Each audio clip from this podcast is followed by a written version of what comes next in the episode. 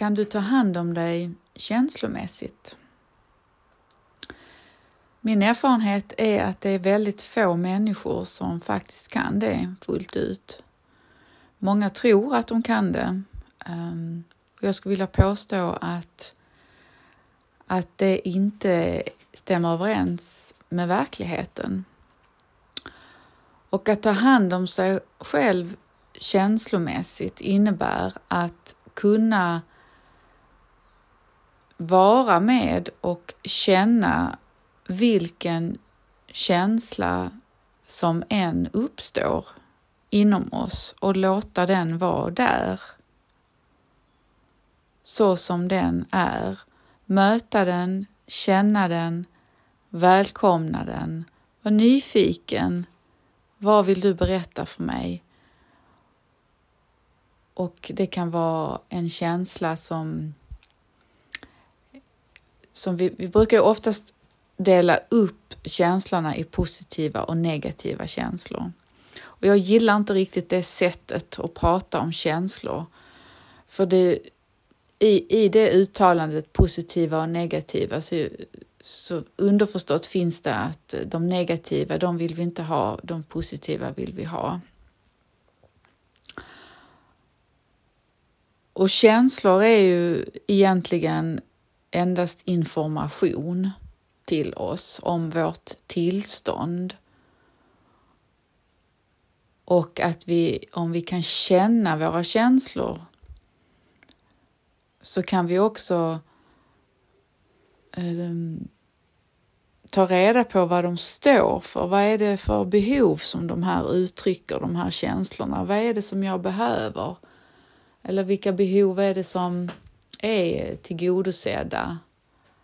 Så att jag kan fortsätta tillgodose de behoven och att jag sen kan göra någonting åt det, jag kan agera på det. Och de flesta av oss har blivit eh, stöpta i en form att vi ska ta bort de känslorna som vi då allmänt kallar för negativa. Och det är de känslorna då som är jobbiga för oss att känna, de som är smärtsamma, de som gör ont inuti. Och vi har inte blivit tränade, alltså de flesta av oss, det finns ju undantag alltid till detta. Men generellt sett så har vi inte blivit eh, tränade till att eh, låta känslorna vara så som de är, Så redan från barnsben så har eh, till exempel om vi har slagit oss eller vi är ledsna eller något sånt där så kanske man har blivit tröstad med eh, mat, med en glass eller att eh, distrahera, titta här borta. Eller nu glömmer vi det, nu är det över. Så att träna upp den här förmågan att vara med vilka känslor som än infinner sig. Det gör också att jag blir fri. Det är okej okay att känna precis vad som helst. Och om man då förstår att jag behöver börja träna mig på detta. Jag är, stänger gärna av. Jag distraherar mig med annat. Jag vill verkligen inte känna dessa jobbiga känslorna. Jag vill att de ska försvinna. Ta bort dem. Om jag börjar förstå att jag vill inte leva mitt liv så här längre. Jag vill inte fly från mig själv längre. Jag vill inte ha alla dessa strategier um, för att slippa känna. Döva mig med alkohol kanske, eller kaffe, eller annan sorts mat, eller um, mycket aktivitet. Ehm, eller tycka om andra, hur andra ska göra. Jag kanske disciplinerar mig själv väldigt hårt för att slippa känna ehm, jobbiga känslor. Jag kanske eh, är en hjälpare, att jag hela tiden, eller inte hela tiden, men väldigt ofta är där för andra. Att hjälpa andra, sätta andra före mig själv. Och på så vis eh, ta bort mina egna jobbiga känslor. Om jag gör någonting för någon annan så känns det bättre. Eller att jag är väldigt eh, effektiv, jag är väldigt eh, sysselsatt hela tiden. Jag säger hela tiden. Jag menar inte hela, hela tiden, utan ofta när det här inträder så ser jag till att jag sysselsätter mig. Eller till och med, det kan ju vara så faktiskt i vissa, för vissa individer att faktiskt hela tiden vara sysselsatt med någonting. Ljud i öronen, göra någonting hemma, multitaska, ehm, um, var väldigt, um, jobba väldigt uh, snabbt och energiskt, få mycket ur händerna, eh, reser mycket, mycket sport, mycket fest, mycket socialt umgänge. Det är liksom hela tiden att vara igång. Ett sätt att slippa känna det här trycket inifrån som jag inte vill veta av. Eller så identifierar jag mig väldigt mycket med mitt inre tillstånd så att jag, jag liksom blir min känsla. Om jag är arg till exempel så, så, så är jag arg och, och någon annan kan bara prata till den arga delen av mig själv. Det är så jag identifierar mig. Eller om jag är, är ledsen och uppgiven och så, så är det bara den delen av mig som, som eh, visar sig. Alltså att jag, jag är i affekt, jag är i reaktion. Jag är den känslan som jag upplever. Jag förlorar mig helt i den känslan. Och det här kan utspela sig till exempel på arbetsplatser. Um, och, och den personen kanske bara säger, men det är ju så här jag känner, så det här måste jag väl få säga. Ja, det är en helt annan sak det här att, att vara i reaktion och, och spilla ut sina känslor över alla andra. Och jag vill verkligen också lägga in här nu, det är ingenting som är rätt eller fel, utan min önskan här nu är att bjuda in de som, dig som lyssnar att mer se hur det faktiskt är och att öppna upp ögonen för mitt eget beteende och andras beteende också, utan att döma det. Det är först när vi ser hur det faktiskt är på riktigt som vi kan göra någonting åt det, om vi nu vill det. Så det är en väldig skillnad att vara i reaktion eller att respondera. Jag pratade om det i förra poddavsnittet. Så när vi reagerar och identifierar oss med vår känsla, vilken det än är, så har jag inte tränat upp min förmåga att härbärgera, att kunna känna alla mina känslor och sen göra ett medvetet informerat beslut om hur jag ska agera. Hur, hur, är, hur är lämpligaste sättet att agera, respondera på just den här situationen? Och andra människor kanske mm, fördjupar sig i, eh, i litteratur, i undersökningar, de är väldigt pålästa, väldigt intellektuella, det kan också vara ett sätt att, att fly ifrån um, sina känslor, att eh, helt eh, leva sitt liv utifrån eh, hjärnan. Att vara väldigt faktamässig och, och, det ska vara undersökningar och det ska vara vetenskapligt bevisat. Och, och det kan också vara ett, en strategi för att slippa känna. Och andra kan fly genom att göra saker som jag tror att andra vill att jag ska göra för dem. Så utan att någon har bett mig om att um, um, klippa någons häck till exempel, så gör jag det. för att jag tror att den vill att jag ska göra det. Eller på jobbet att jag, jag tror att andra människor vill att jag ska göra detta för att de ska tycka om mig eller tycka att jag är bra eller att jag, jag vill visa upp mig. Eller jag kan också tänka att det är ju ingen annan här som jobbar så måste, det, är ju tydligen bara upp till mig och så jobbar jag ännu hårdare.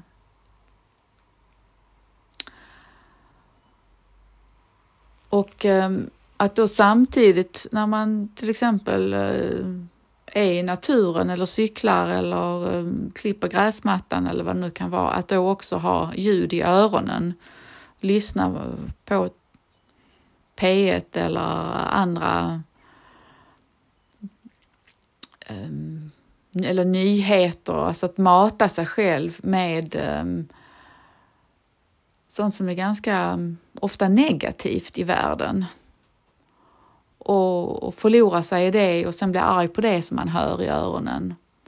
Det är också ett sätt att fly från vad jag faktiskt eh, känner på riktigt.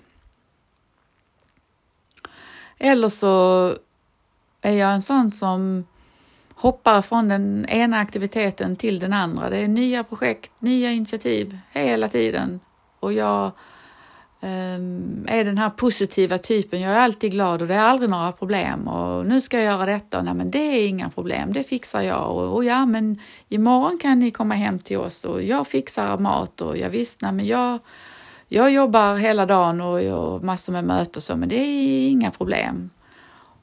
Och, och nu har vi bokat den här resan och nu ska vi åka dit och eller startar en massa då, olika projekt och så, nej det funkar inte, vi tar nästa.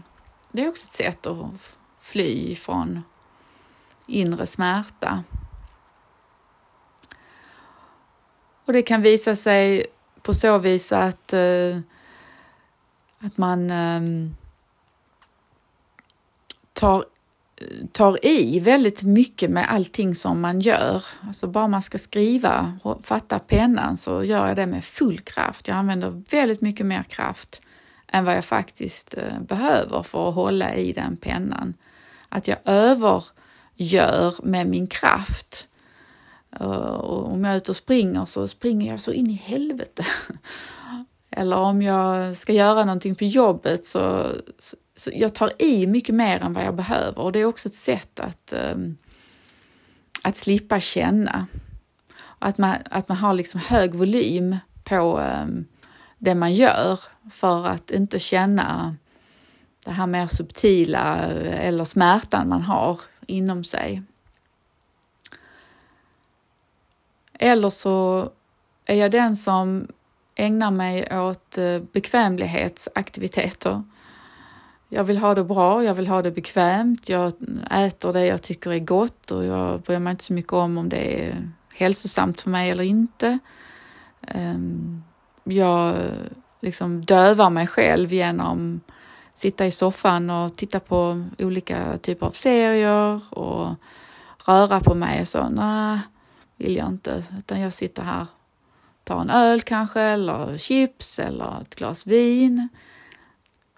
Eller så är jag den som är ute på restaurang och äter fina middagar och jag um, har mer den um, lite mer lyxigare strategin att dricka goda viner och, och um, vara väldigt matkunnig så. Kan också vara en strategi för att aktivera mig och fly ifrån det som faktiskt pågår inne i mig. Så varför är det då så bra att känna dessa obehagliga, smärtsamma, ångestfyllda, förfärliga, hemska känslor när vi känner dem. De kan kännas de kan ju fullständigt ta över en, vara överväldigande. Så kan ju tro att man ska kollapsa, att man ska dö helt enkelt av den här förfärliga känslosmärtan. Som en, eh, ett fyrverkeri av hemska, jobbiga känslor. Varför ska jag känna detta? Ja, det är ju en väldigt bra fråga egentligen. Och jag tänker att svaret på det är ju att vi ska kunna när vi har känt igen, det är ju så här också att när vi börjar denna resan att börja känna detta som pågår inom oss så går det ju inte från en dag till en annan och så, har vi, så kan vi känna alla känslor utan det här är en lång process. Och jag behöver medvetet träna på det och öva upp min förmåga att känna dessa känslor. Och det är som att träna upp en muskel. Alltså om du börjar träna på gymmet till exempel så kan du ju inte ta de tunga vikterna direkt utan du behöver successivt träna upp din styrka och din förmåga och det är precis likadant med att eh, känna våra känslor och att man tar det i sin egen takt. Att jag, jag känner på mina känslor så mycket som jag kan just nu och inte döma det att det var bra eller dåligt eller göra det till något nytt projekt så. Um, utan om du bottnar i att det är dags för dig att möta dig själv på djupet. Det är dags för dig att sluta springa ifrån dig själv och det som finns inom dig. Det är då som det här är relevant, detta jag pratar om nu. Och om vi kan känna alla våra känslor så kan vi också leva ett liv utifrån vårt organiska jag. Vi kan använda den informationen och äm, agera på ett ansvarsfullt och moget sätt. Och du blir mer eh, autonom på ett genuint och äkta sätt. Så du blir självständig, du kan ta hand om dig själv. När vi istället flyr ifrån våra känslor och inte kan känna dem så kan vi tro att vi har, det är modernt att kalla det för psykisk ohälsa. Och det kan ju vara att vi då söker eh, läkare och att vi får eh, olika former av tabletter för att ta bort de här känslorna. Och då hamnar vi i det, i den um, i den spiralen att när vi börjar medicinera så kanske vi behöver medicinera mer och mer och mer på sikt för att kroppen vänjer sig vid de här substanserna som vi stoppar i oss. Eller att du då, um, det kan visa sig att man söker tröst eller hjälp eller stöd ifrån um, olika, i olika kärleksrelationer. Jag kanske blir otrogen. Jag kanske väljer den ena nya partnern efter den andra. För att på så vis eh, slippa känna eh, det jag känner. Eller jag kanske eh, beter mig på ett sätt på jobbet som jag egentligen inte tycker om. Jag tycker inte om mig själv så som jag har eh, betett mig. Alltså när vi stänger av våra känslor så stänger vi också av eh, vår sensitivitet, vår empati, våra hjärtan så att vi kan agera på ett sätt som, som inte är så eh, medkännande och ehm, humant. Och när vi ser oss själva göra detta så kan vi då må väldigt dåligt och sen så skapar det ny inre stress i oss som vi då måste döva på ett nytt sätt. Och då är du inne i ett mönster som kan vara svårt att bryta. Och ingenting är omöjligt i detta. Jag har varit med om, för egen del, väldigt djupa eh, besvärliga, smärtsamma processer som jag har arbetat mig igenom och även med eh, klienter och eh, även i de sammanhangen som jag har processat och utbildat mig i så har jag sett många, många, många individer som har gjort den här resan som jag pratar om. Och det är i början som det är svårast, därför att om vi har spenderat vårt liv med att trycka ner de här känslorna, så när vi då börjar öppna på den här kranen så kommer det som en, liksom, en jätteeffekt. Och först kommer de här eh, svåra, starka känslorna som har hög volym. Och det behöver vi vara beredda på. Vi behöver eh, veta att det är så här det är och att det gäller att arbeta mig igenom, processa mig igenom eh, de här känslorna efterhand. Det blir lättare längre fram. Och det är många som när de känner den här intensiteten i de jobbiga känslorna så stänger de kranen igen, locket på. Nej, det här är för svårt. Och vi behöver oftast eh, hjälp av, av någon annan som har tagit sig igenom den här processen och att vi då får information om vad är det som händer, var, var kommer de här smärtorna ifrån, vad handlar det här om? Så att jag utbildar mig och förstår hur det hänger ihop rent allmänt, hur vi människor fungerar och också min egen resa i det här livet. Hur, hur har det blivit så här? Varför är det så här för mig? Och där eh, är till exempel då enneagrammet som jag jobbar med som är eh, en form av typologiverktyg som går oerhört eh, djupt. En väldigt, väldigt bra guide, väldigt bra information för att, att förstå mer om min egen resa och min egen process. Och I de flesta skolor och utbildningar och ledarskapsutbildningar och så vidare så pratar man inte riktigt om, om det här att ta hand om sig själv känslomässigt. Och det är det jag kallar att göra sin inre MBA.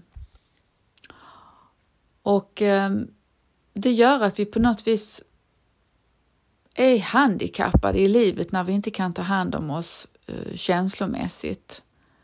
Vi kanske har allt det som eh, kallas framgång. Eh, tjäna mycket pengar, en bra karriär, eh, häftigt hus, härlig partner, snygg bil eller snygga bilar, häftiga bilar och du reser mycket och så vidare. Och kanske någonstans där inne så mår du ändå inte riktigt, riktigt bra. Det är någonting som som fattas eller det är någonting som skaver eller du kanske märker att du säger ja till saker som du egentligen inte vill. Och du kanske har svårt att sätta gränser. Eller att du är väldigt driven då att ha mer karriär, mer pengar, ännu häftigare bil och så vidare. Det blir en ständig eh, ja, jakt på någonting mer för att försöka döva detta inre gnagande. Så ju fler som kan börja möta sig själv känslomässigt och ta hand om de känslorna och inte leva ut dem hur som helst, så tänker jag att det bidrar ju till ehm, det jag kallar för empatiskt ledarskap. Till mer medmänsklighet. Att vi kan se varandra. Jag kan känna, om jag känner mig själv och utvecklar min egen sensitivitet så blir det också lättare för mig att ta emot andra där, där de befinner sig. Och det är ju det här som är då att, att levla, att ju mer jag kan känna mina känslor och vara med dem, desto eh, högre upp kommer du på den här skalan 1 till 9 som jag har pratat om i tidigare poddavsnitt. Och igen vill jag påminna om att det är inget som är bättre eller sämre eller rätt och fel. Det här handlar om att förstå och se var är du just nu? Var är andra? Och möta det med empati och medkänsla. Okej, okay, här är jag och nu bestämmer jag mig för att göra någonting åt det här. Jag kan inte ha det så här längre. Nu är det dags för mig att möta eh, mig själv. Och det är de klienterna som kommer till mig som vill göra den här resan. Och vissa har redan börjat den resan när de kommer till mig och, och för andra är det helt eh, nytt. Och eh, du kan, du kan liksom kolla av dig själv hur långt du har kommit i den här ehm, på den här vägen att faktiskt känna sina känslor. Om du kan just nu blunda om det är lämpligt där du är. Slappna av och känna in i kroppen Liksom, vad är det jag känner just nu? Vad är det för kroppsliga sensationer som pågår inne i mig just nu? Vad är det som känns? Är det, är det avslappat eller är det hårt och ansträngt? Är jag ledsen eller är jag glad? eller irriterad eller tycker det här börjar bli tråkigt nu. eller var, var är du just nu? Och det här, så här kan du göra kontinuerligt under dagen och känna inåt. Och jag märker i mina klientsamtal, alltså de individer som har väldigt lätt för att göra det här när jag ber dem göra precis detta och vi kan vara i, i det tillståndet ett tag. De har ju då en, en, en naturlig förmåga och, och, och en, en träning i att möta de här känslorna. Eller så har de tagit beslutet att nu är det dags, jag är villig att göra det. Och sen finns det andra klienter som, ja, ja, jag fattar, och så pratar de vidare om, om um, sin berättelse. Och var och en är ju där den är. Man får börja där man är. De som fastnar i sin storytelling och, och behöver prata om det istället för att känna det, då har man en form av indikation var man är. Så att om du kan stoppa din egen berättelse om vad det är som pågår i dig och istället sätta dig ner, blunda, andas och känna det utan att låta berättelsen snurra på för fullt. Och det här tar ett tag innan den berättelsehjulet stannar av. Så i början så är det här jättesvårt om man har full fart på sin storytelling i hjärnan. Man behöver lägga ut en landningsbana och den kan se ut på olika sätt. Men om jag bestämmer mig, nu ska jag ta tag i det här, då behöver jag medvetet sakta ner tempot i mitt liv. För eh, som på engelska säger man egos feed on speed. Och det är det det handlar om. Alltså ju högre tempo, ju mer vi matar oss med distraktioner i öronen, ögonen, i tal, aktiviteter, rörelse, desto mer när du ditt ego som absolut inte vill känna de här jobbiga känslorna. Så har du bestämt dig så är, är ett steg att ta är att börja sakta ner ditt, eh, ditt tempo. Träna dig i att bara sätta dig i en stol i fem minuter och betrakta omgivningen till exempel som en, ett första steg. Utan telefonen, utan någonting i öronen. Bara titta.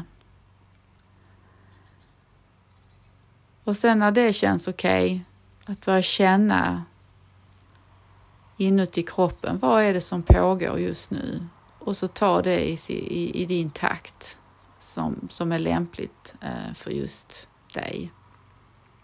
Och i eh, mina coachingsamtal så är det ju ehm, och hela den processen, i coachingprocessen, så är det att eh, varje klient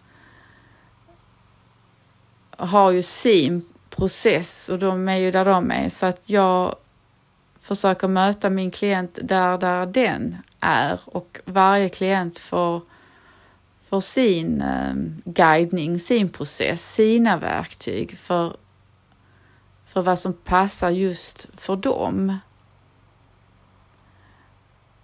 Så jag jobbar inte så att jag har liksom ett, här är receptet, följ det, utan jag anpassar det receptet utifrån var, var varje individ befinner sig någonstans.